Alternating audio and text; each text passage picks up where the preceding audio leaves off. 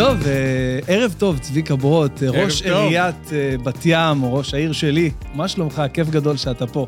כיף להיות פה, המקום מהמם, ואני מתרגש ושמח. איזה כיף. אני באמת גם מתרגש, האמת. ו...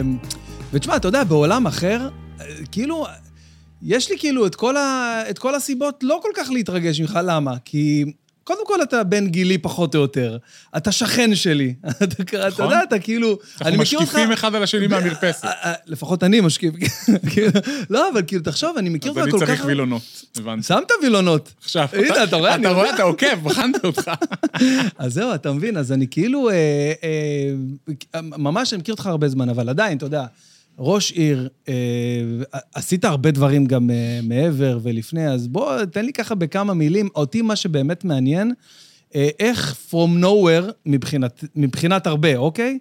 פתאום הגחת ולקחת, לא יודע אם הייתי אומר די בקלות, אבל בסיסטמטיות, כאילו ב... ב בחתירה למטרה, לקחת את ראשות העיר בצורה מאוד uh, מקצועית, כאילו, ככה זה היה נראה לפחות מהצד. אז יאללה, אבל תגיד לי, אפשר אצלך להתחיל בלחיים אה, או משהו? וואי, נכון, אז אני חייב להודות, בגלל שהכל פה אותנטי, אני חייב להודות שאני רציתי להציע, כאילו, לעשות את זה, ואמרתי, היה לו לא יודע." נעים, הוא אמר, הוא באמצע יום אה, עבודה. ואז הוא אומר לי, מה, מה עם הלחיים? מה, איזה צ'ייסר, הייתי, אנחנו...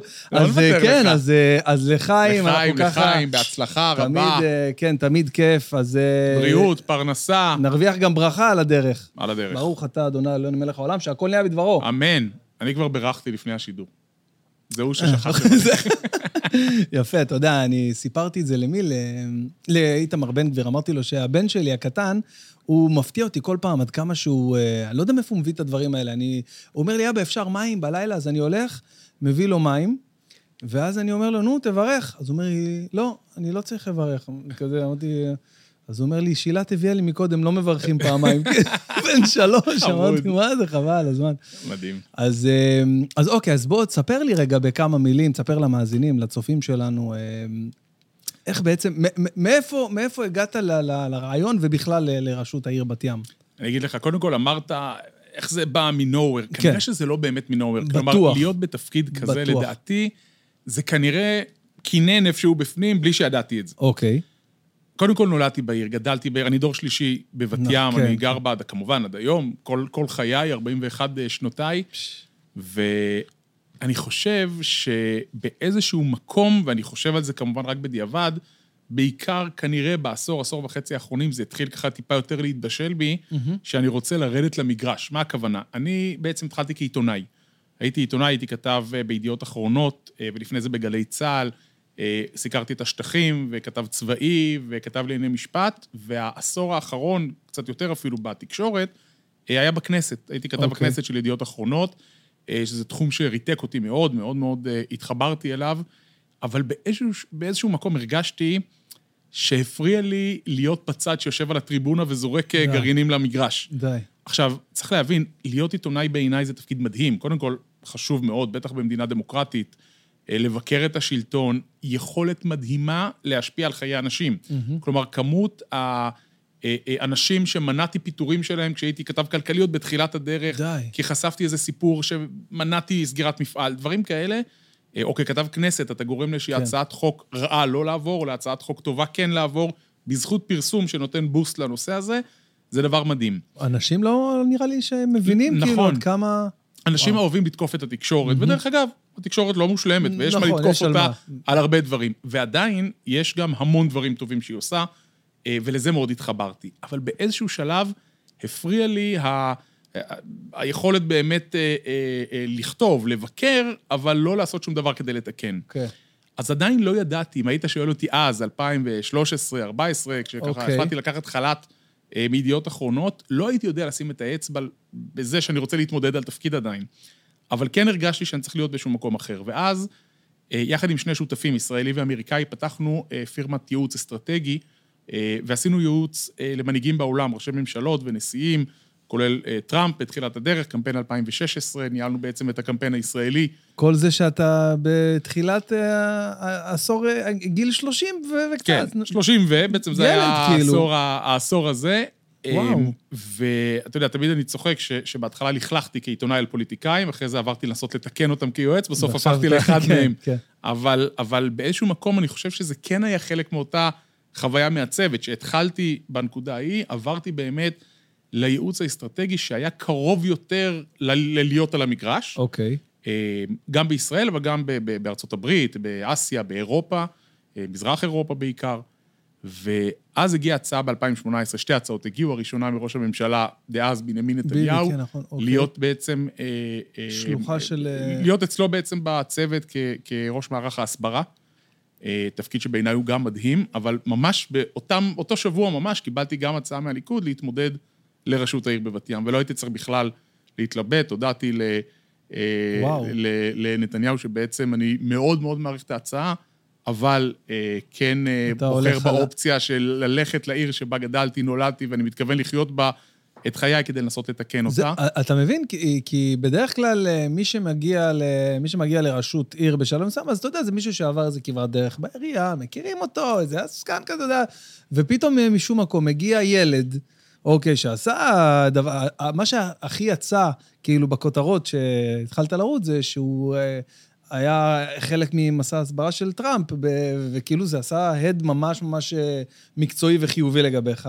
נכון, אז אה, זה, זה היה כמובן חלק מזה, אבל ברור, אני חושב זה- ש, שבסופו של דבר, הדבר, נגעת באמת בנקודה, הדבר שאנשים הכי התחברו אליו מצד שני, ואולי אחרים זה גם היה מסע לביקורת אה, מצידם, אה, זה היה הגיל הצעיר. אז קודם כל אמרתי להם, תראו, כשנבחרתי הייתי בן 38, אז נכון שהייתי ראש העיר הצעיר ביותר של בת ים, אבל לא הייתי. הכי צעיר בארץ.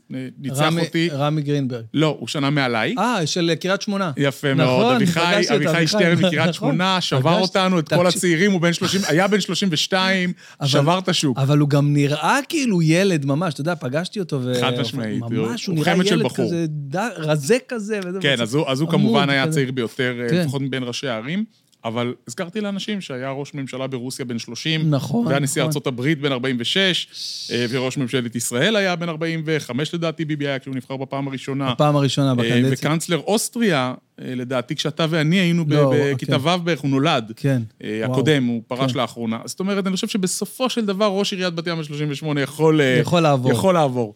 אה, ואני חושב שבאיזשהו מקום אבל אנשים כן חיפשו את זה, כי העסקונה, כמו שקראת לה, באמת שהולכת לראשות עיר, כי זה מין מסלול טבעי, כי 30 שנה אני במועצת העיר, אז עכשיו אני גם אהיה ראש העיר, זה כבר לא עובד בעולם החדש. כלומר, וואלה. היום אנשים מעדיפים מישהו שכן עשה משהו, שאולי לא עסקונה, שאולי לא אה, אה, בהכרח פוליטיקה, ודרך אגב, אין לי שום דבר רע כלפי מישהו שפוליטיקה היא המקצוע שלו, אוקיי. אני כן חושב שאתה בא יותר בשל לעשייה, כשעשית משהו בחוץ, לא משנה באיזה תחום, זה יכול להיות אה, תקשורת, או עיתונות, או, או רפואה, או עריכת דין, איזשהו משהו מהעולם האמיתי, ואז אתה מגיע לעיסוק הציבורי, זה בעיניי מביא אותך בשל יותר ונכון יותר. עם ארגז כלים יותר- אולי הרבה יותר יותר טוב, ורסטילי. בוודאי, להבין את הציבור, אה, להתחבר לציבור, ואני חושב שזה גם עוזר לי יותר בתפקיד היום.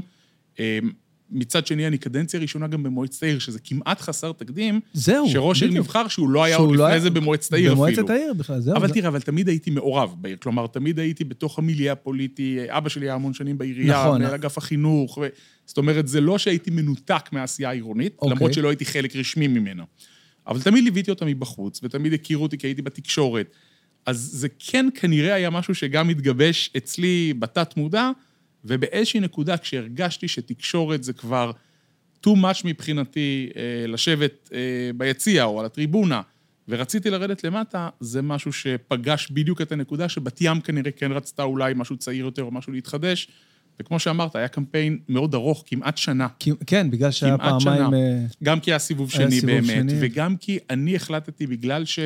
שוב, הייתי אולי קצת יותר מוכר מאדם מהרחוב שהוא לא בתקשורת, כי בכל זאת כן הכירו אותי, והייתי אהה. אה, אה, אה, בכל זאת בכל מיני מעגלי עשייה עוד כשהייתי צעיר בעיר וכולי, אבל עדיין לא הייתה לי את רמת המוכרות כמו מישהו שהוא 30 שנה במועצת העיר, או כמו ראש עיר מכהן שמולו התמודדתי.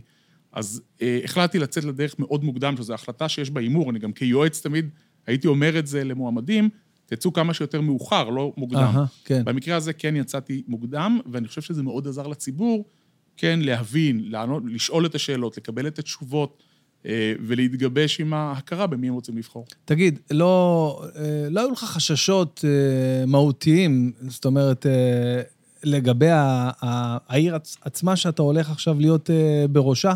אתה מבין את השאלה שלי? כאילו, אני אני, מבין. אני מנסה לשאול את זה נורא נורא בוא בעדינות. נסביר את זה אבל למאזינים. כן. בוא נראה אם הבנתי אותך. אתה בעצם שואל, למה להכניס ראש בריא למיטה חולה, נכון? כאילו דייקתי בערך? אה, בוא, אז אם אנחנו מדברים חופשי, אני אגיד לך כזה דבר. אה, אני יודע, כי אנחנו יודעים, זה גם לא סוד, אה, במהלך המסע הבחירות, היה לך לא פעם ולא פעמיים, איך נגיד בעדינות, אה, אתה יודע, אה, אנשים אה, ניסו לשים מקלות בגלגלים בצורה כזו או אחרת. בצורה הכי מילולית. בצורה הכי- ממש ככה, שמו לי בגלגלים באמת כל מיני דברים.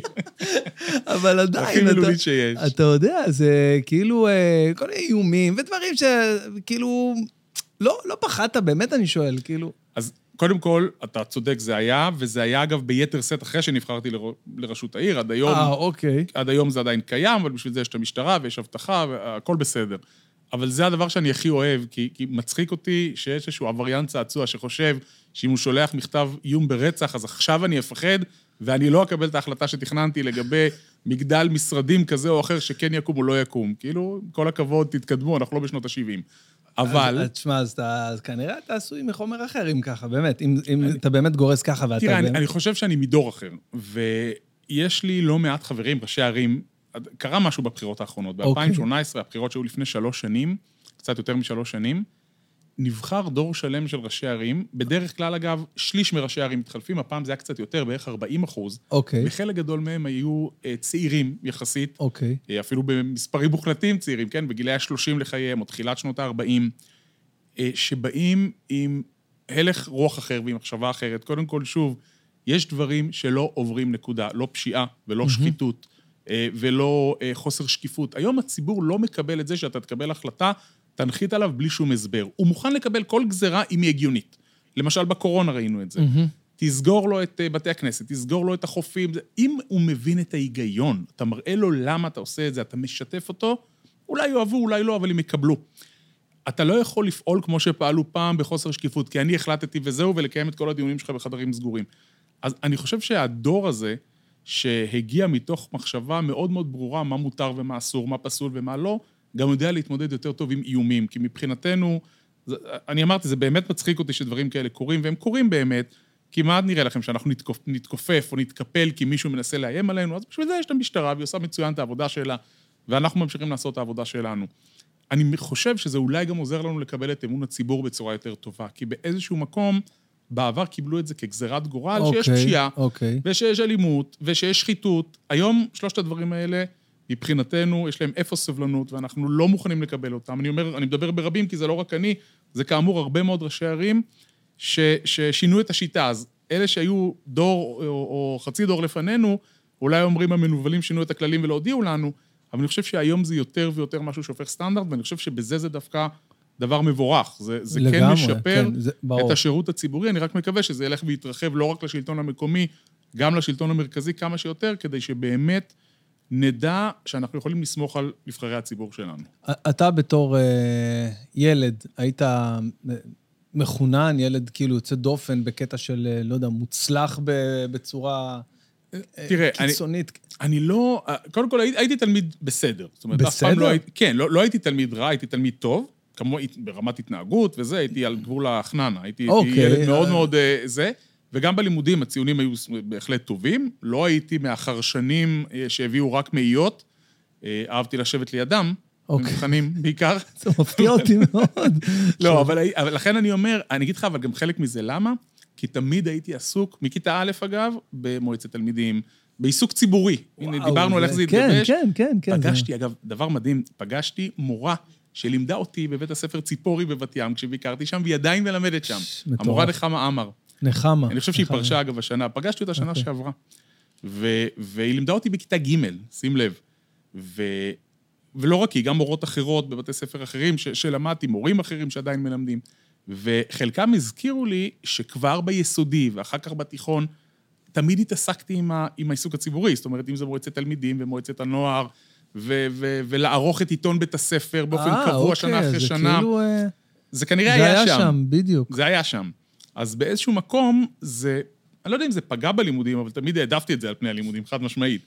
אבל גם ידעתי להציב לעצמי גבולות. כן, הייתי מישהו שלא צריך להגיד לו, דיר באלק, יש מבחן. הברזת מכמה שיעורים כן. כדי לערוך את עיתון בית ספר, מילא, אבל תתאפס על עצמך כשיגיעו המבחנים, ולכן התעודות שלי היו בסדר. בסדר, לא, היו טובות, הממוצע שלי היה טוב. תשע כזה. 80, 80 ו... מה, ת- ת- תן לי לצאת לא, מזה. לא יודע, ב- כאילו, אני... לא, לא, לא הייתי... אני חשבתי, אתה יודע, ש... לא, לא, גם ממוצע בגרות שלי, סך הכול יצא בסדר. אני לא, אוקיי. לא הייתי עם אה, מאיות בלבד, אוקיי. אבל הייתי עם תעודה שיכולתי להביא זאת הביתה. אומרת שיש תקווה לכל אלה שעכשיו, אה, נגיד, יש להם 80 כזה וזה, אומרים, בואנה, אחי, אתה עדיין יכול, אתה יכול יש להיות תקווה גם משהו." למי שיש 60, זה מה שאתה צריך נכון, להגיד. יש נכון. תקווה גם יש למי שנכשל כרגע, שידע שהוא צריך להתאמץ קצת יותר, הוא צריך להביא ציונים יותר טובים, ואז יש תקווה, 80 זה בסדר, מה, זה מכובד, 85. כן. 90. כן, הנה, אתה לאט לאט אני מעלה לך. לא, אבל זה צריך לצאת פה, אתה תשמע, יודע. ה- המטפלת שלך, המטפלת שלך, אסתר...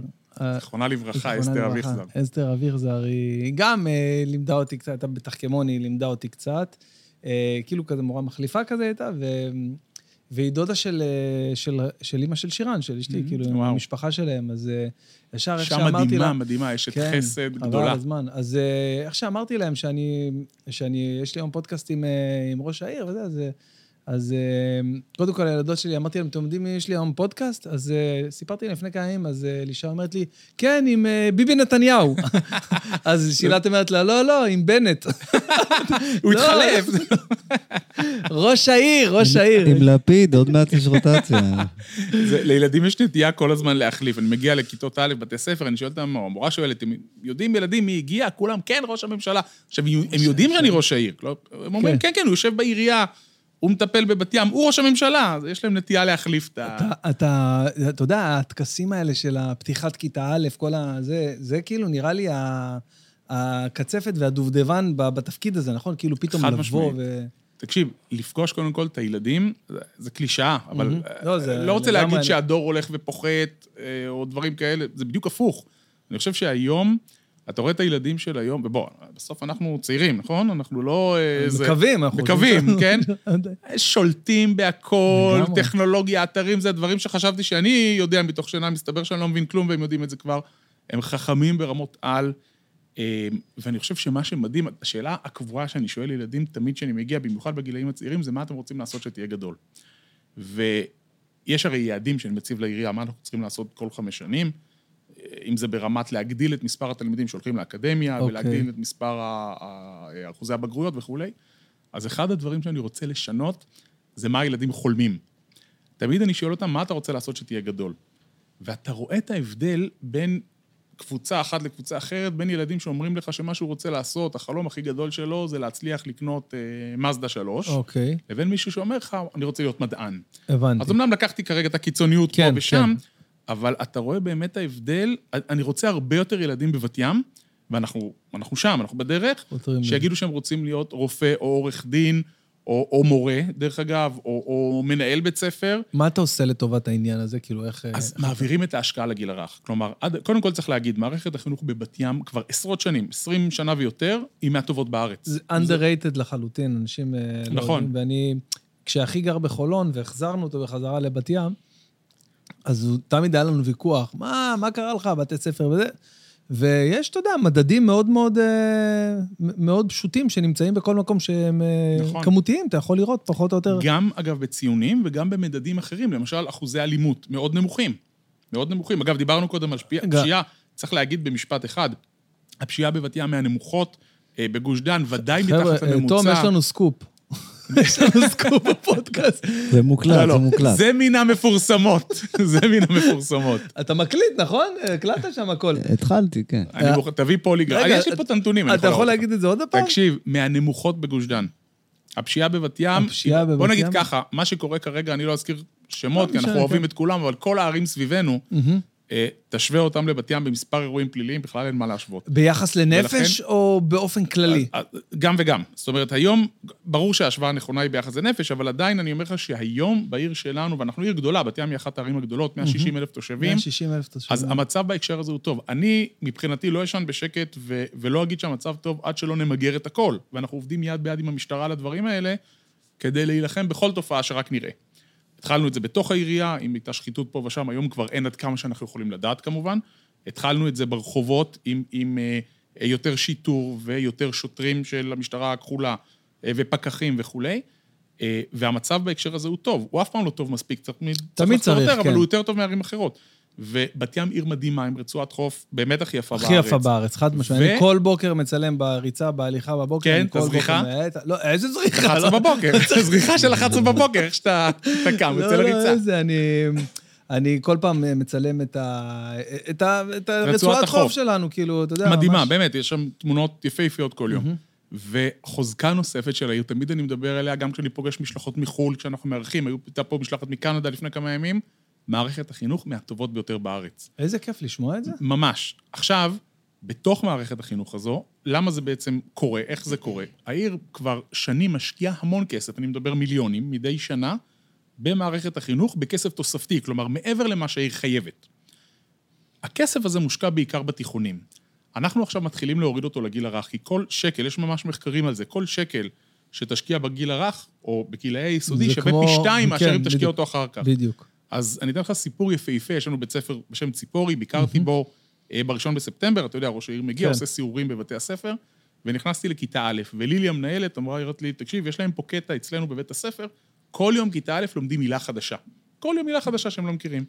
אז ביום הראשון ללימודים, בראשון בספטמבר, המילה החדשה שהם למדו זה אוניברסיטה. לדעת מה זה. ודרך אגב, לא כל אחד צריך תואר אקדמי. זה לא מתאים לכל אחד. אנחנו צריכים גם המון מקצועות מאוד חשובים וטובים, שהם לא מקצועות אקדמיים. אני רוצה סטנדאפיסטים, שמי... למשל, חייב סטנדאפיסט. לא, זה, לך יש כבר דוקטורט. לך יש דוקטורט בזה. זה חופשי תואר, כל דבר. חד. משמעית. אבל מי שכן רוצה, או שיש לו את היכולת והוא הוא לא יודע שהוא רוצה, צריך שתהיה לו את ההזדמנות. וזו נקודה, למשל נקודה שהתחלתי לספר לך, שאני שואל ילדים, מה אתם רוצים להיות? אני רוצה שיותר ויותר ילדים ישאפו לרף הכי גבוה. זה לא אומר שהם חייבים להגיע אליו. אה, להיות נגר או, או נהג, או כל מקצוע אחר, הוא חשוב לא פחות, לא פחות ממקצועות אחרים. אין מקצוע אחד שאנחנו צריכים את כולם. אבל אני רוצה שלכל אחד תהיה את ההזדמנות לעשות מה שהוא רוצה. ולא להגיע למצב שילד בכלל לא מנסה להיות באיזשהו מקצוע אקדמי, כי בכלל לא פתחו לו את הדלת. ופה אנחנו עושים את זה, משקיעים את הכספים יותר בגיל הרך, כדי לפתוח כמה שיותר דלתות, אבל בסוף, חנוך לנער על פי דרכו. הילד יחליט, אנחנו נעזור לו ללכת בדרך שהוא רוצה, לכל כיוון שהוא ירצה, אבל שתהיה לו את האפשרות. אני חייב להודות שאני... אולי אני טיפה משוחד, אבל אה, אני, אני די... אני, אני מאוד מאמין, אני כאילו אני מאמין לך. אתה אומר את הדברים האלה, אתה כאילו נותן לי פה את המצע הזה, ו, ואני מאמין לזה, כי אגב, קודם כל בשנתיים וקצת, כמה זמן עבר כבר? מ... מהבחירות? שנה- זמן עובר מהר כשנהנים, שלוש שנים פלוס. שלוש שנים, די. מה, שלוש אז אנחנו פלוס. לקראת...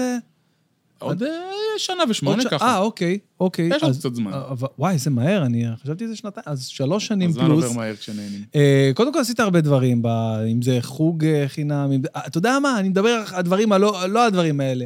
אני שומע הרבה פחות אגזוזי לחץ נושא... אה, היית הולך לישון בלילה, תום, אתה לא יודע אם אתה מכיר את התופעה הזאת. אני מכיר את זה כשכן שלך, חד משמעית. תגיד, אתה הולך יש סתם, תשע בערב. עד שאתה נרדם? עשר בלילה, סתם, יש... אה, אגזוזי, אני לא מבין מה אתה הולך לישון בתשע בערב? סתם נתתי דוגמה, כאילו, כדי שהמאזינים יתפסו אותי כבן אדם שהולך לישון. מרדים לא. את הילדים ונרדם איתם. בדיוק. זה ה- אתה שומע פתאום אגזוזי אה, אה, אתה- לא מבין מה, ואז ראיתי שבאמת... זה שליחים של וולט. לא? בדיוק. ראיתי באמת שיצאה כאילו פנייה לדבר הזה, ואנשים התלוננו, ו... אה, ו- ו- ואנשים כאילו, אה, ו- והדבר הזה... אז זו דוגמה מעולה, אנחנו. נלחמים, נלחמים בתופעה הזו. אגב, מאוד קשה, הרי בסוף זה לא שניים או שלושה אופנוענים שעושים את כן, זה. כן, זה, זה- זה תופעה. קודם כל, מה שעשינו, אה, שמנו הרבה יותר מערבי משטרה. עבדנו עם המשטרה על זה, פה אתה חייב את המשטרה, כי אוקיי. עירייה לבד לא יכולה לטפל בזה בעצמה, אבל יש לנו את המשטרה העירונית יחד עם המשטרה, ויש את משטרת התנועה, ויחד עשינו המון מבצעים, וברגע שהם הבינו, בעיקר בצירים מהירים, אה, כן. רחוב בלפור שהוא ציר מרכזי, כן, או הטיילת כן. בבת ים, הם הפסיקו להגיע לשם. הדבר השני ששמנו, פשוט פסי האטה, במפרים, נכון, מה במפרים שנקרא. כאלה שמעיפים לך את האוטו לכיוון ראשון, ואז בדיוק, אתה אבל, לא אבל באוטו אתה. שורד. אופנוע יעדיף לא לנסוע שם, אז הוא ייסע ברחובות קטנים, אבל ברחוב קטן אתה לא יכול לשים רייס עכשיו. כן. ולכן, התופעה, לא אגיד שבמאה אחוז היא נעלמה, אבל היא צומצמה מאוד, היא ואנחנו נמשיך צומצמה, לעבוד על זה. משמעי, חד משמעי, חד צומצמה משמעי, מאוד. צומצמה. אה, עוד מכנה משותף שיש לנו, ששנינו משלמים ארנונה. לא, לא, נכון, שילמת החודש, אגב? אני לא יודע, זה שירן. אתם לא יכולים יודע- לבדוק שם? תבדקו אם הוא לא יודע שילם אפילו החודש. אני- כמה זה עולה- כמה זה עולה לנו, אבל... לא, זה דווקא... כי לא. הורדנו לך את הארנונה השנה. אה, אה, נכון, נכון, גם זה משהו ש... גם זה משהו פעם הראשונה שטופל. אי פעם. התחלנו, שלושה אחוזים אגב, שזה נחשב המון בדרך כלל, גם כשמאשרים, הממשלה מאשרת לעירייה להוריד, שזה מאוד נדיר, חצי אחוז, אחוז בקושי. הורדנו בבת אחת בשלושה אחוזים, פשוט כי ראינו שבמשך 15 שנה העלו והעלו אוקיי. והעלו והעלו והעלו, והציבור כבר חנוק, אז עשינו הבראה בעירייה. הכבוד, באמת, זה... צמצמנו את הגירעון בעירייה, העיר היום כבר עירייה חזקה, כבר אין לנו גירעון, כבר אין תוכנית הבראה, וחשבנו שצריך לתת גם סוג של דיבידנד לציבור. אז שלושה אחוזים עכשיו, ועוד שנתיים הבטחתי שאנחנו נפנה לממשלה שוב לקבל פעימה שנייה. כשאתה הולך לישון בלילה, אתה מרגיש כל יום, או, אתה יודע, יש יום ככה, יום ככה, אבל באופן כללי, במצטבר, בממוצע, אתה מרגיש ש... שאתה מצליח במה שאתה עושה? אני, קודם כל, אני כמעט לא ישן בלילה. אה, באמת, או שזה... ועד- כן, כן. הוא ישן יש כל לי- היום בטח. זה חשוב לישון, תשמע, זה, אני... זה אני- חשוב אני מאוד, אבל הבעיה עכשיו. היא כזו שתמיד השעות הכי טובות להשלים עבודה מבחינתי, אוקיי. זה 12 בלילה, כי אין כבר טלפונים. אז אפשר לשבת בשקט. אה, אבל- אה, ניירות שאני צריך להכין למחר, אה, איזושהי אומר? מצגת, לענות להודעות. תקשיב, אתה יודע כמה הודעות יש לי כרגע אני בטוח. שלא נענו? יש לי פה אה, אלפים, כלומר 1,309 וואו. וואטסאפים שעדיין לא עניתי, ואני צריך הלילה לענות עליהם. וואו. אני לא אענה לכל ה-1,300 הלילה, זה, זה קורה ב, בשלבים, אבל אני אענה ל-200-300 הודעות, אה, ו- ואצמצם את זה. אז אלה השעות בדרך כלל הטובות. ו, ולכן, אני חושב שכשאני הולך לישון בלילה, בסוף אני חושב על מחר.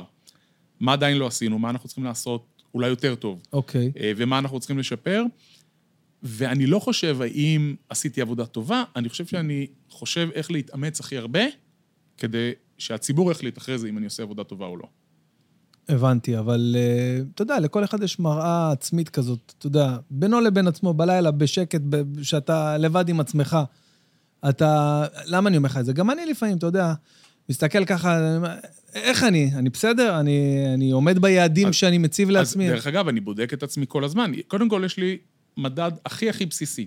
הבטחתי דברים לציבור, האם קיימתי אותם או לא. אוקיי. אני בודק את עצמי כל הזמן, אני עושה על זה אפילו ישיבות עם הצוות שלי. אוקיי. אחת לכמה שבועות, יש את הדברים שהבטחתי לפני הבחירות, אני רוצה להגיע לבחירות הבאות, בעוד אה, פחות משנתיים, כשאני אראה להם שקיימתי את הכל, או כמעט את הכל, ואני אסביר להם על מה שלא קיימנו, למה אי אפשר היה ולמה אנחנו נעשה את זה בהמשך.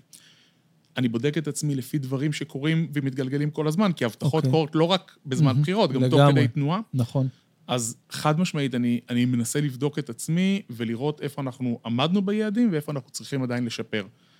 אני חושב שיש פה גם משהו שהוא חדש, שעירייה, לפחות בעבר, לא, אני לא מדבר רק על בת ים, זה היה מין גוף בירוקרטי שאף אחד לא בודק אותו. כלומר, זה לא כמו חברה פרטית, שתמיד העובדים נמדדים לפי ביצועים, אתה לא נותן תפוקה טובה, אתה הולך הביתה. חד משמעי. אנחנו, הבאתי צוות מקצועי לעירייה. אחד הדברים ש...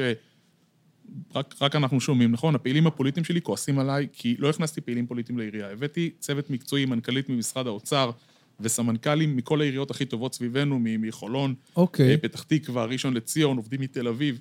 באמת, חבר'ה מצוינים. מדהים. ו- ובנינו צוות מקצועי שהתחיל לעבוד כמו חברת הייטק. לפי מדידה והערכה, אנחנו מציבים לעצמנו יעדים, בודקים כל הזמן אם עמדנו בהם, אם לא, ואיך אנחנו משפרים את עצמנו כל הזמן, וכבר רואים שינוי. והיופי הוא שרוב עובדי העירייה, שהם כמובן ותיקים.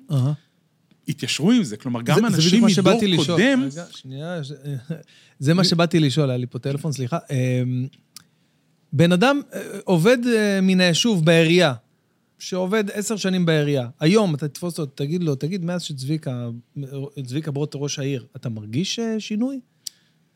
העובדים אני- עצמם, הם... תראה, אני חושב שכן, אני כמובן לא, לא אעיד על עצמי, אבל אני חושב ש, שחד משמעית כן. קודם כל, סופרים את העובדים היום. עשינו דבר, אתה יודע מה הדבר שאני הכי גאה בו? אני יכול עכשיו לתת לך פה רשימה של ידד, יעדים מדידים ואיך שיפרנו את השירות ואיך שיפרנו את הזה, אבל בסוף, עובד שיש לו שמחה משפחתית מקבל מהעירייה אה, טלפון, יש לנו עובדת שאחראית על זה, או מקבל מאיתנו מכתב ברכה, איזה חשוב זה לו. ילד, או שהייתה בר מצווה, או חלילה במקרים של כן. כן. אבל. תמיד, אנחנו מלווים אותם, זאת אומרת, אנחנו נותנים להם תחושה באמת של משפחה, ויש לנו לא מעט עובדים, יש לנו קרוב ל-2,500 עובדים, כן. כולל החברות העירוניות שלנו, אה, וכל אחד מקבל ליום ההולדת ברכה. איזה חשוב הדברים דבר הקטנים האלה. בדיוק. כלומר, קודם כל להכניס אותם לזה שאנחנו ביחד. לטוב, לרע, אנחנו כל הזמן ביחד. וזה גורם להם גם לרצות לעבוד בצורה יותר משמעותית, כי הם מרגישים את החיבור הזה. ואז הם גם מתחברים לשיטת העבודה החדשה. אתה בא לישיבה, תביא יעדים. אתה לא מוכן, אל תפחד להגיד, אני לא מוכן, ותבקש לדחות את זה.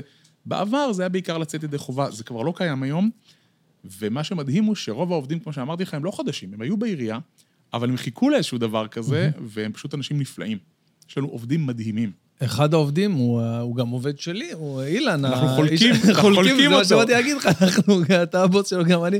אנחנו, אילן, אה, אילן גירו, מי שמכיר את... אה, ש- שדרך אגב, יש לו חלק גדול בשיפור השירות בעיריית בת ים, הוא מדהים. רציני, תקשיב, הוא לוקח, הוא כל הזמן מדבר איתי, מה אני יכול לעשות יותר? הוא מעיין נובע הוא של רעיונות, איך לנסות הוא- לשפר. נגיד סתם, אנחנו עכשיו הולכים, אה, מופיעים בעיריית ירושלים, אז הוא נכנס שם, איפה המוקד שלכם? עם מי אני יכול לדבר? מעניין אותו, איך זה. קורה פה. איך, אני רוצה לראות. אז אני אומר לך, הוא עושה שם באמת מהפכה. כן, איזה-. איזה יופי, איזה כיף לשמוע את זה.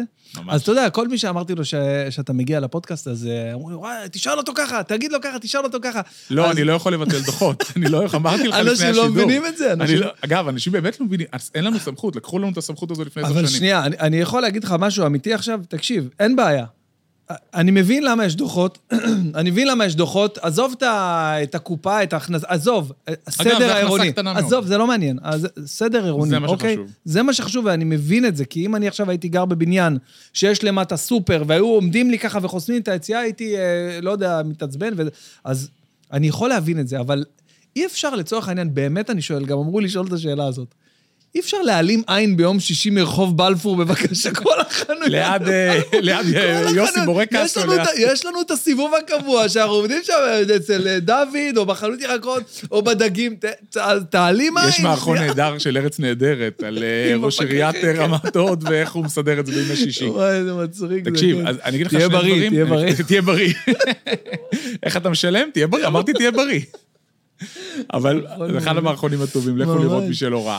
אבל בסופו של דבר, תדע לך שבכל מה שקשור לאכיפה, רוב הביקורת שאנחנו מקבלים, ואנחנו בודקים את עצמנו כשמגיעה ביקורת כזו, זה על אי-אכיפה.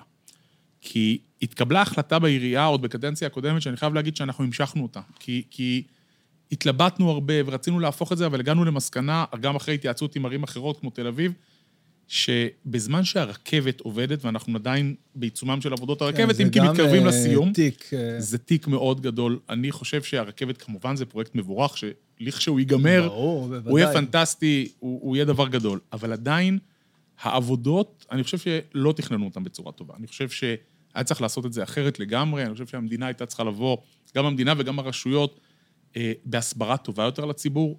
לא הסבירו אני לא לציבור... חושב שזה עניין של ההסברה פה. זה תראה, היה צריך להכין... הביצוע ב- חד משמעית, בפועל. אתה צודק, הדבר הראשון הוא הביצוע, אבל אני אגיד לך מה אני מתכוון בהסברה. מה הרעיון של הרכבת? שאנשים בסוף יוותרו על הרכב הפרטי. אני חושב שייקח בערך עשר שנים, אם הרכבת תעבוד טוב, עשר שנים, לגרום לציבור לוותר על הרכב השני או השלישי הש- במשפחה. נכון, נכון. ייקח 20 שנה מסכים. לוותר על הראשון או השני, כל משפחה מה מסכים, שיש לה. מסכים וגם לגמרי. זה בהנחה שיהיה את רישות הרכבות ויהיה את המטרו וכולי. ולזה לא הכינו את הציבור. כי אני חושב שאם היו מתחילים את ההסברה הזו, לא עכשיו שרואים את הרכבת כבר נוסעת בנסיעות טסטים ברחובות, היו מתחילים את זה לפני חמש שנים, הציבור היה מפנים. היום המצב שיש לנו מספר שיא של רכבים בעיר, כמו בכל גוש דן. אין לנו חניות, כי כמה, אגב, הרכבת... מעניין אותי. אתה יודע להגיד? מספרית, כן. אז יש לנו בערך 60 אלף, 60 אלף דירות בתי אה, אב בעיר. 60 אלף בתי אב. כן, זאת אומרת, משהו היא- כמו 100 אלף רכבים. לא, לא, יש על- לנו, יש לנו ככה, מצד שני יש לנו גם 45% משתמשים בתחבורה ציבורית, אה, אגב, אוקיי, הגבוה יותר- אוקיי. ביותר בארץ, כלומר, יש לנו אוקיי. המון בתי אב שאין בהם אה, כלי רכב, אז ההערכה היא סדר גודל של בין 30 ל-40 אלף. רכבים כן. כאילו בבת ים. כלומר, בסופו של דבר, עלתה השטח שלנו, אנחנו כאמור אחת הערים הגדולות מבחינת מספר תושבים, אבל עיר בינונית בשטח.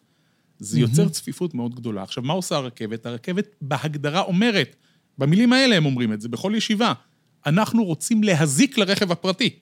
הם אומרים, כי אנחנו רוצים לגרום לאנשים להפסיק להיות עם רכב.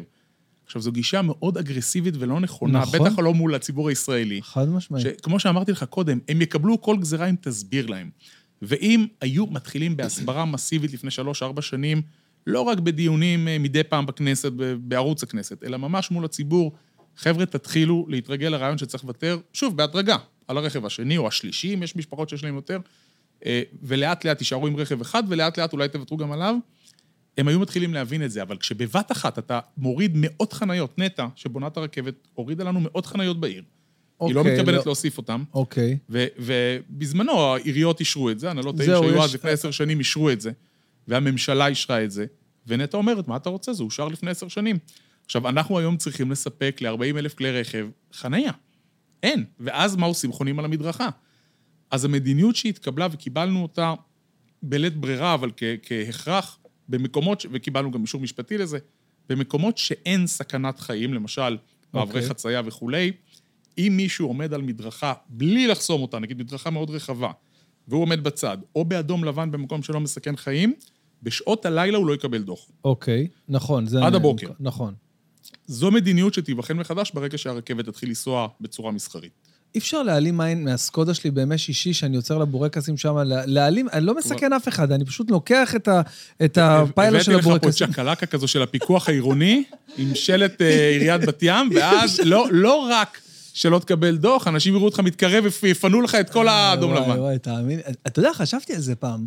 איזה קטע זה להיות ראש ממשלה, אין לך יותר פקקים. תחשוב, אתה נוסע כל הזמן על 200, תחשוב, זה מטורף. ואתה לא צריך לחפש חניה אף פעם. כלום, אתה כל הזמן נוסע מהר, זה מטורף. ואם יש פקקים, אתה עובר למסוק. וואי, וואי, וואי, מטורף. חלום. חלום. זה? האקזיט האמיתי של בנט. מעניין אותך? זו גם שאלה שאמרו לי, כולם אמרו לי, תשמע, אנחנו יודעים שבסוף הוא ילך, זה... כמה שנים אתה עוד רואה את מה? עצמך? משפר ועושה דברים בבת ים? ו... תראה, קודם כל, אני לא... יש לך את- אני לא באתי. דיברנו על זה קודם, לא באתי מהפוליטיקה, ואין לי שום יומרות עכשיו להגיד לך, אני מפה עובר ל... לא, אבל בוא, בין, לממשלה. אבל בינינו, אתה, אתה, אתה נולדת לזה, אתה עושה את זה מצוין, אתה צעיר מאוד, זאת אומרת, אתה כל החיים לפניך לבוא ו... אז היה כמה עוד... פעם, היה לי פעם אה, מישהו שעבד איתי כשהייתי ב- בידיעות אחרונות, ש- ש- שאלתי אותו, תגיד לי, מה אתה רוצה לעשות שתהיה גדול? הוא היה בן 20 ומשהו אחרי הצבא. הוא אומר, אה, אני רוצה להיות אה, בכנסת. עכשיו, ניסיתי להסביר לו, להיות פוליטיקאי זה, זה לא מקצוע, כלומר, תלמד משהו, תעשה אהה. משהו. אחר כך, יש לך מספיק ניסיון, לך תייצג את הציבור, או יש לך יכולות מיוחדות, לך תייצג את הציבור. לרוב, נכון שיש גם כאלה שכן הולכים ישר לכנסת, וזה גם בסדר, אם הם טובים, מצוין. אבל, אבל לך תעשה קודם משהו, ולכן, לבוא ולהגיד לך, זה איזשהו מסלול ישיר, אני אהיה כמה שנים בבת ים ואז אעבור הלאה, ממש לא מבחינתי. אני התחייבתי לעשר שנים לפחות. אני גם כן חושב, אגב, שנכון להגביל כהונת ראש עיר. אני לא חושב שזה כמו נכון. כהונת אה, ראש ממשלה. אגב. הגבלת כהונה בכלל, אני חושב כן, שזה דבר טוב, אני חושב שזה דבר בריא. אפשר להתווכח בהחלט האם זה צריך להיות שלוש כהונות או ארבע. אה, דווקא שרת הפנים עכשיו, שלומדת את הנושא, אומרת שהיא חושבת שארבע כהונות זה נכון, כי בסוף, בעיר, אתה מצליח לקדם פרויקטים מההתחלה ועד הסוף. כלומר, אתה מתחיל משלב התכנון עד הביצוע, וזה פרויקטים שלוקחים חמש או שבע נכון, שנים לפעמים. נכון, יפה. אז אני אה, מסכים שזה לא מספיק אולי שתי קדנציות. אני התחייבתי לשתי קדנציות, לעשר שנים. כמובן שאני לא פוסל את האפשרות אולי להמשיך גם לקדנציה שלישית, בהתאם לפרויקטים אה, שהתקדמו. אבל אני כן חושב ש, שקציבת כהונה, שוב, צריך לדייק את זה, אם זה יהיה שלוש קדנציות או ארבע קדנציות. זה, זה מה זה שלא עשית אחר. ב-15 שנה, לא בטוח לא שתעשה... תעשה בדיוק כבר לא. תעשה אחרי זה. ומה יהיה אחרי זה? אני לא יודע, נדבר עוד... אה, תזמין אותי שוב עוד עשר שנים ונדבר. בעזרת השם, זה כבר יהיה פודקאסט עוד עשר שנים. כבר אז בכלל. אבל, אבל אה, ישב פה אלון גל, אוקיי? ודיבר, היה לנו שיחה...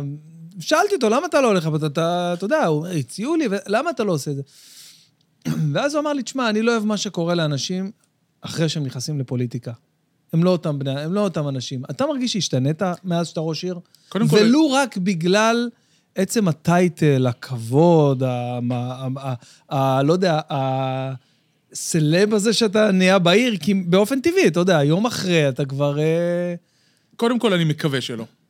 וזה יצטרכו להעיד אה, חבריי, שכניי, אה, אוקיי. ו- ו- ושאר החברים בעיר. אוקיי. אני מקווה שלא, אני מאמין שלא, אבל אני גם עובד על זה שלא. כלומר, אני חושב שבסופו של דבר, ויש תופעות כאלה לפעמים, אנשים שנבחרים לאיזשהו תפקיד, אה, מרגישים שהם במגדל השן, אני ואפסי עוד, אה, ואני יכול לעשות מה שאני רוצה ולצפצף על הציבור.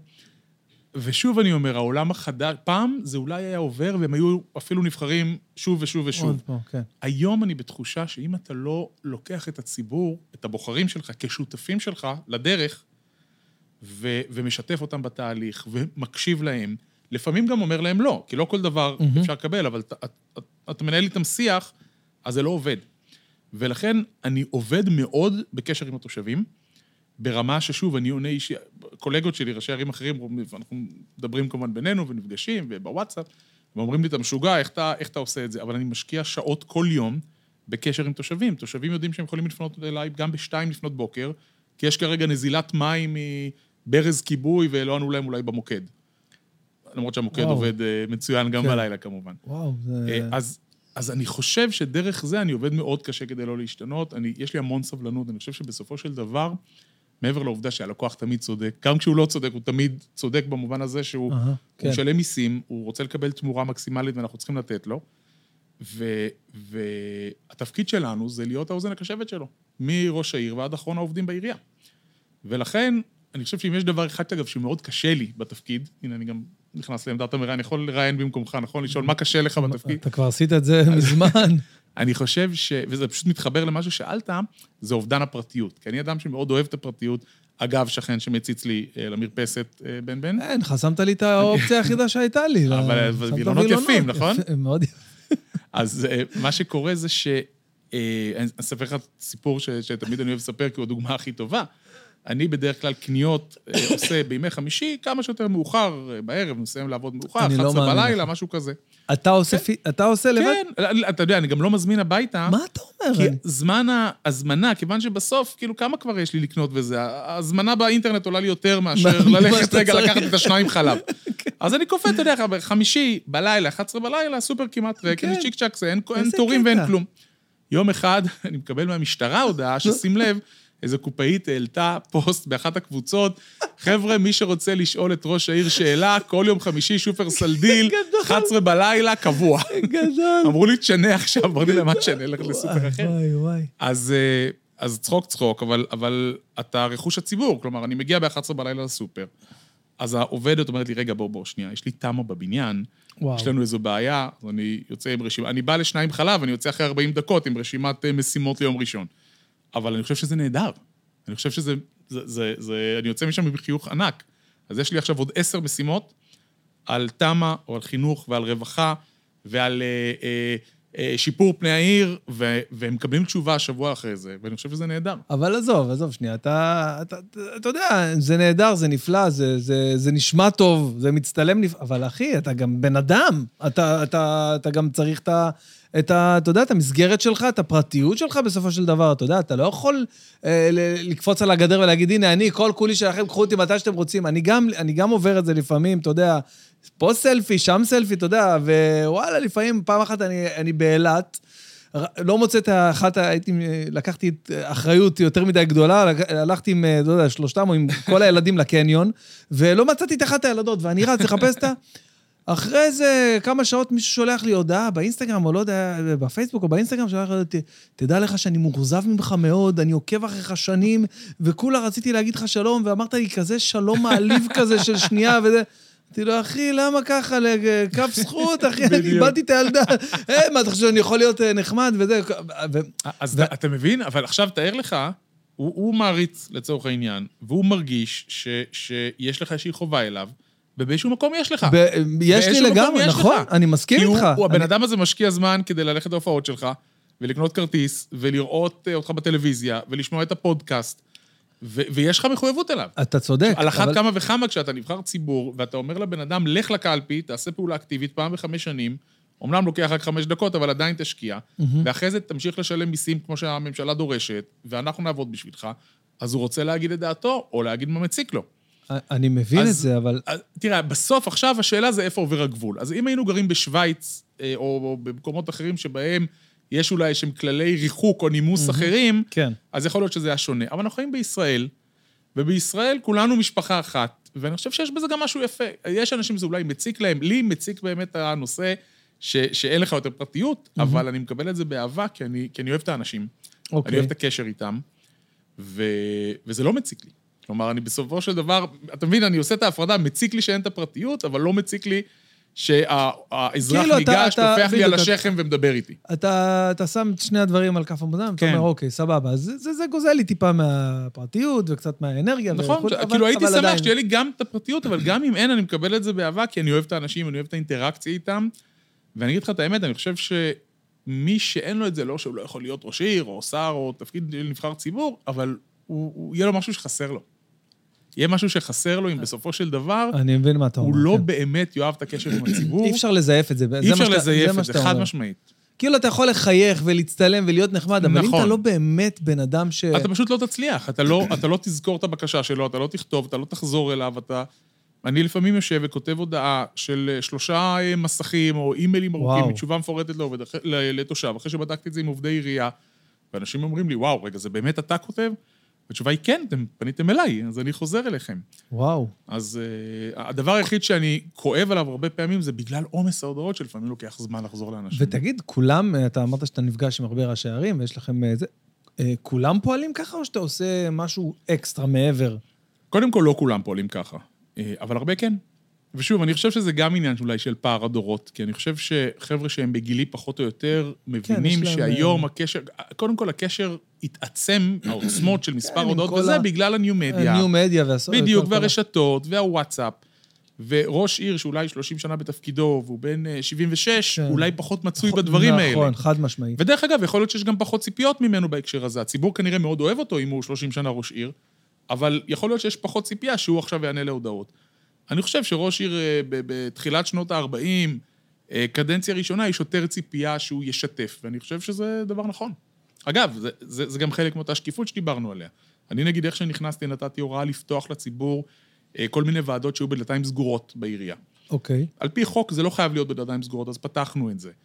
אה, לשתף לציבור כל מה שקורה בתוך הבניין. דרך אגב, גם דברים לא טובים. חלילה היה איזה אירוע אלימות בין עובדים, תוציאו את זה לציבור, תשתפו אותם, תגידו שאנחנו נתחקר ונבדוק למה זה היה. מהמם. אני חושב שמידע יוצר אמון, וזו אחת הדרכים שלנו להגביר אמון עם הציבור. ובאופן כללי, אתה, אתה מרגיש ש...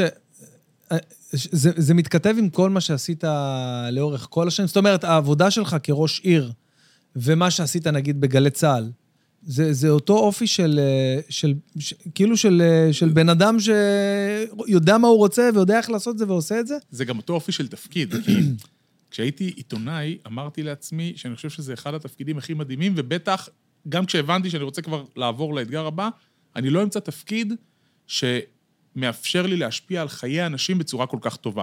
אוקיי. עד שהגעתי לתפקיד הנוכחי, כי פתאום הבנתי שזו בעצם המדרגה הבאה. נכון, עיתונאי יודע לשבת, לחשוף עוולות, אה, לשנות לפעמים סדרי עולם בזכות חשיפות טובות שלו, אבל אין כמו לשבת ולקבל את ההחלטה. עכשיו, אם אתה לא מחמם את הכיסא, אלא באמת עובד, אתה מצליח באמת ליצור שינוי אמיתי.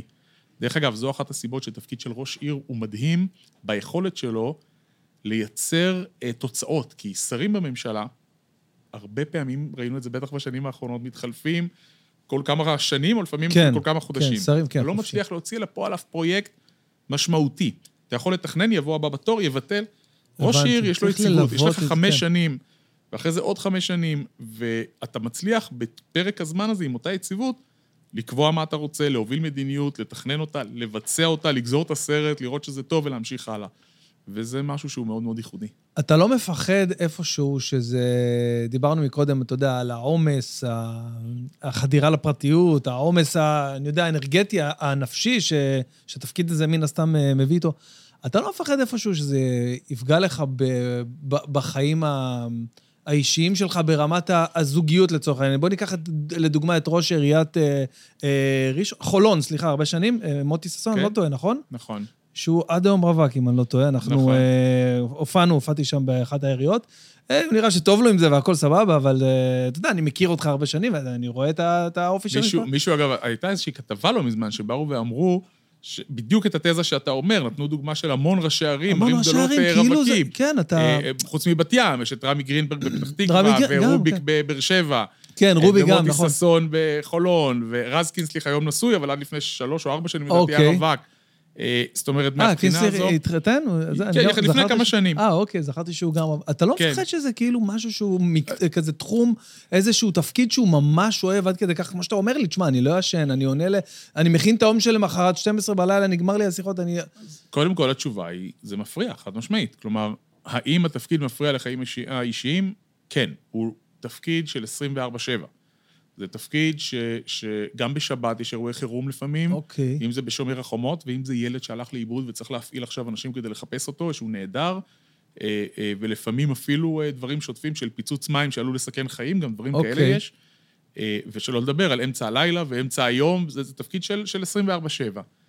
אה, וזה עוד לפני שדיברנו על עומס עבודה, כמו למשל לענות להודעות עד שתיים לפנות בוקר, וואו. ודברים כאלה. אז יש מחיר אישי לחיים ציבוריים. האם זה מצדיק את זה? אני, שוב, אני חושב שמי שלא אה, רוצה או לא אה, מבין את הצורך לבצע את הבלנס הזה בין חיים אישיים לציבוריים, לא יכול לעשות את התפקיד הזה. אתה לא יכול לבוא ולהגיד, בוא, בוא, אני אבחר לאיזשהו תפקיד, אבל אני לא מוכן שזה יפגע לי בחיים האישיים. אז מה תעבוד? אה, שמונה עד, אה, כן. שמונה עד ארבע או שמונה עד חמש, ואז ייפול לך עיפרון, זה, זה לא עובד ככה. אני כן חושב שהדבר הנכון הוא לדעת באמת לשים לעצמך את הגבולות. כלומר, זה משתלט על החיים האישיים, אבל עובדה שאני לא הראשון, וכנראה לא האחרון, ש... שידע לעשות את האיזון. אז אני כן חושב שאני מצליח לעשות לעצמי את האיזון. אני חושב שהעובדה שאני אגב רווק עדיין, אולי כן עוזרת לי קצת יותר בתפקיד, במובן הזה שיש לי גם קצת יותר זמן להשקיע בתפקיד. נכון, זאת... מהבחינה הזאת בטוח. בוא בוא נגיד, אני לא צריך להשכיב את הילדים בלילה, לקחת אותם לגן בבוקר, אז אני... זה מטורף. אני אומר לשירן, תקשיבי, אם את אומרת לי עכשיו להוציא את הלל בארבע... אני רץ לרשות העיר. לא, לא, לא, אם את אומרת להוציא אותו בארבע, אז נגמר לי היום בארבע. הוצאתי אותו, אז זהו, אני לא יכול ואתה גם עכשיו... צריך להיות איתו, לא רק ברור, להוציא אותו. אני לא יכול, כאילו, זה נגמר לי היום, אני לא יכול, זהו, אני עובד עד ארבע, אני התחלתי גם ככה ב-12, מה נשאר לי? לא עשיתי כלום היום. אז אני חושב שפה יש גם משהו שהוא טיפה יותר קל, אבל יש גם כל הזמן בראש את הזיכרון שצריך רגע לשים גם לעצמך גבולות, כדי לשמור על שפיות ועל חיים אישיים. תשמע, אה, אחד הספונסרים של הפודקאסט אה, זה אתר שליש גן עדן, לא יודע אם אתה עוקב, אבל זה אתר... רגע, אתם עושים פה אמבוש? כי אני מקבל פ... אתה יודע שאנחנו מקבלים ללשכה פקסים, מסתבר שיש עדיין דבר כזה, אבל היחידות שמשתמשות בו זה דודות שרוצות לשדך לי את האחיינית שלהם קבוע. זה הפקס היחיד שמתקבל בלשכה פעם בשבועיים. איזה. מישהי מגבעת שמואל, ששולחת בפקס תמונה, אגב, צריך להגיד להם, זה הזמן, תמונות לא עוברות בפקס. זה יוצא שחור. שחור לא לשלוח שלחו תמונות. לינק לפייסבוק, איזה אני יודע. מצחיק, אבל. תמונות הן שולחות, ו- ואסתי אצלי בלשכה אה, מעבירה לי. לא עובר בפקס, לא... עזוב אותך, יש שליש גן עדן, זה כמו, יש יד שתיים, יש שליש גן עדן, כנס, תראה, לא זה. לא, אבל אה, סתם, אני- אני אני אומר את זה בתור, תשמע, אני אני פשוט אה, אה, הייתי אצלך, זה המקום להגיד, היה לך יום הולדת אה, 40 זה? היה? נכון. זה היה- לי היה יום הולדת הפתעה, 40? כן. כן, אז, אז אה, התקשרה אליי, אה, קודם, קודם דיבר איתי יהודה, אה, יהודה מהעירייה וזה, ולא היה לי נעים להגיד לו שאני לא מסוגל לעשות דבר כזה, אני, אני לא אצליח. אמרתי לו, תקשיב, אני... יה- יהיה פדיחות, אני לא... אני לא אומר לי, לא, תעזוב אותך, תקשיב מה אני אומר לך, תבוא, זה כולם זה, כולם אוהבים אותך, כולם זה, אתה מכבד. את ראש העיר. אמרתי לו, תקשיב, אתה לא מבין, זה, זה, זה קהל מצומצם, זה... אי אפשר, אתה לא. אנשים אוכלים שולחן... תקשיב, אני לא הצלחתי כאילו להסביר לו, ואז אמרתי, טוב, על החיים ועל המוות, אין מה לעשות. זה, מה שכתוב. וואלה, אני הולך, השם איתי, מה אני, מה אני יכול לעשות? ואז באמת הגעתי. ואתה אתה, אתה לא מבין, אתה, אתה לא ראית את זה, אתה לא, אתה לא, לא תבין מה, מה, מה, אני, מה אני זר עברתי. לא מה הבין אני, זאת. אתה לא תצליח להבין. אני אומר לך, אני אמרתי שם, ואני כאילו, אני כל שנייה שם, אני אומר, איך אני עושה? ואז אמרתי, רק יאללה. שיצחקו. וואו, ואתה יודע, ועשיתי, ואז אני זוכר, אבל אמרתי הייתה הופעה לאילן, מדהימה. זהו, אמרתי לאילן, תקשיב, אילן, זה או צל"ש או טר"ש, או שאני עכשיו יקיר העיר, או שאני, אתה יודע, מי... אז קודם כל, אתה מזמן יקיר העיר, אבל אני חושב שכולם היו על הרצפה. הייתה לא, הופעה תשמע, מדהימה. ברוך השם, הכל הסתדר שם, ובאמת, אתה יודע, אני... גם השכנים, היינו על הגג, כן, במרפסת, אז. כל השכנים היו מבסוטים, הייתה להם הופעה בחינם. תקשיב, אני לא אשכח, אני חזרתי, קודם כל זו הייתה ההופעה הכי קרובה אליי הביתה, כי תמיד יש לך איזו הופעה קלאב, אבל זה היה ממש... יכולת אגב להופיע מהבית שלך, פשוט עם, לגמרי, אה, המרפסת, מיקרופון, עם כן. אה, רמקול. ו- חציתי את הכביש והגעתי ו- ונהניתי מהרגע הזה. זה היה, זה היה כאילו אה, אחרי הגל הראשון של הקורונה, שחשבנו נכון, שזהו, שנגמר. שאין יותר? חגגנו את זה שאין יותר קורונה. הייתי בהלם, הגעתי, פתאום אני רואה איזה 50 אנשים ככה אחד, אתה יודע, קרובים, לא האמנתי מה אני רואה, אתה יודע, שכחנו שזה קיים. חוזרים. לבמות, חוזרים להופעות. יואו, זה היה מטורף, ואני גם לא הופעתי איזה שלושה חודשים, אני לא הייתי בכושר, אתה יודע, הכל היה נגדי. אבל ברוך השם זה עבר בשלום. הכישרון שלך היה בעדך. וואי, תקשיב, זה היה, זה היה, בדיוק עכשיו אני אספר לך את זה, אני חווה את החוויה עוד הפעם, אתה יודע, אני... ואני רוצה לספר למאזינים, אם אתה לא שיתפת אותם, שזמן קצר, לדעתי זה היה אחרי זה, הייתה לך הופעה ראשונה בהיכל התרבות בבת ים. נכון? הופעה מסחרית אה, ראשונה? לא, זה לא הייתה הופעה ראשונה, זה- זו הייתה הופעה ראשונה אחרי הקורונה, הופעתי כמה וכמה אחרי פעמים. הקורונה. כן, כן, אחרי הקורונה, בטח, הופעתי כמה פעמים באחד וה- הקורונה. אני התרגשתי בשבילך כשאתה רואה את היכל התרבות מפוצץ, כן, מלא אנשים, וואי, שדרך. אגב, בת ימים ולא בת ימים, כן, באים שבאים. אליך לעיר שבה אתה נכון, אה, נכון. גדלת ואתה גר בה. חגיגה ממש. נכון? זה- זה שונה מאשר להופיע בעיר אחרת? אה, נכון, אני נזכר שהיית שם והצטלמנו וזה, בא- נכון, באתי כן, כן, נכון, נכון. באת להופעה, ו... אה, כן, קודם כל, אתה יודע, יש איזושהי אה, חדווה אחרת שאתה... אתה מופיע קודם כל בבית שלך, רגע, שנייה, הטלפון שלי, לא שמתי אותו על רטט. השעונים אה, החכמים תומר, זו בעיה. רגע, שירן. אתה צריך לענות. לא, לא. תסתבך אם לא. אל תדאג, אל תדאג, אני רק אשים על רטט. נערוך אגב. פגשתי אותה עם הילדים בהיכל אה, כן, התרבות כן, היא לפני כמה לי. ימים. היא אמרה לי, כן. אז אה, זהו, זה ג- גם, אה, גם חמותי, גם שירן, גם, גם אילן, אמר לי, תשמע, תגיד לו, זה, תשאל אותו על, על אה, זה, אם הוא ירוץ לראשות הממשלה. כל אחד רצה לשאול משהו, אתה יודע, כל אחד מעניין אותו. הרבה אנשים, תשמע, אתה, אני חייב להודות, אתה, אתה מושך הרבה עניין, כי אתה...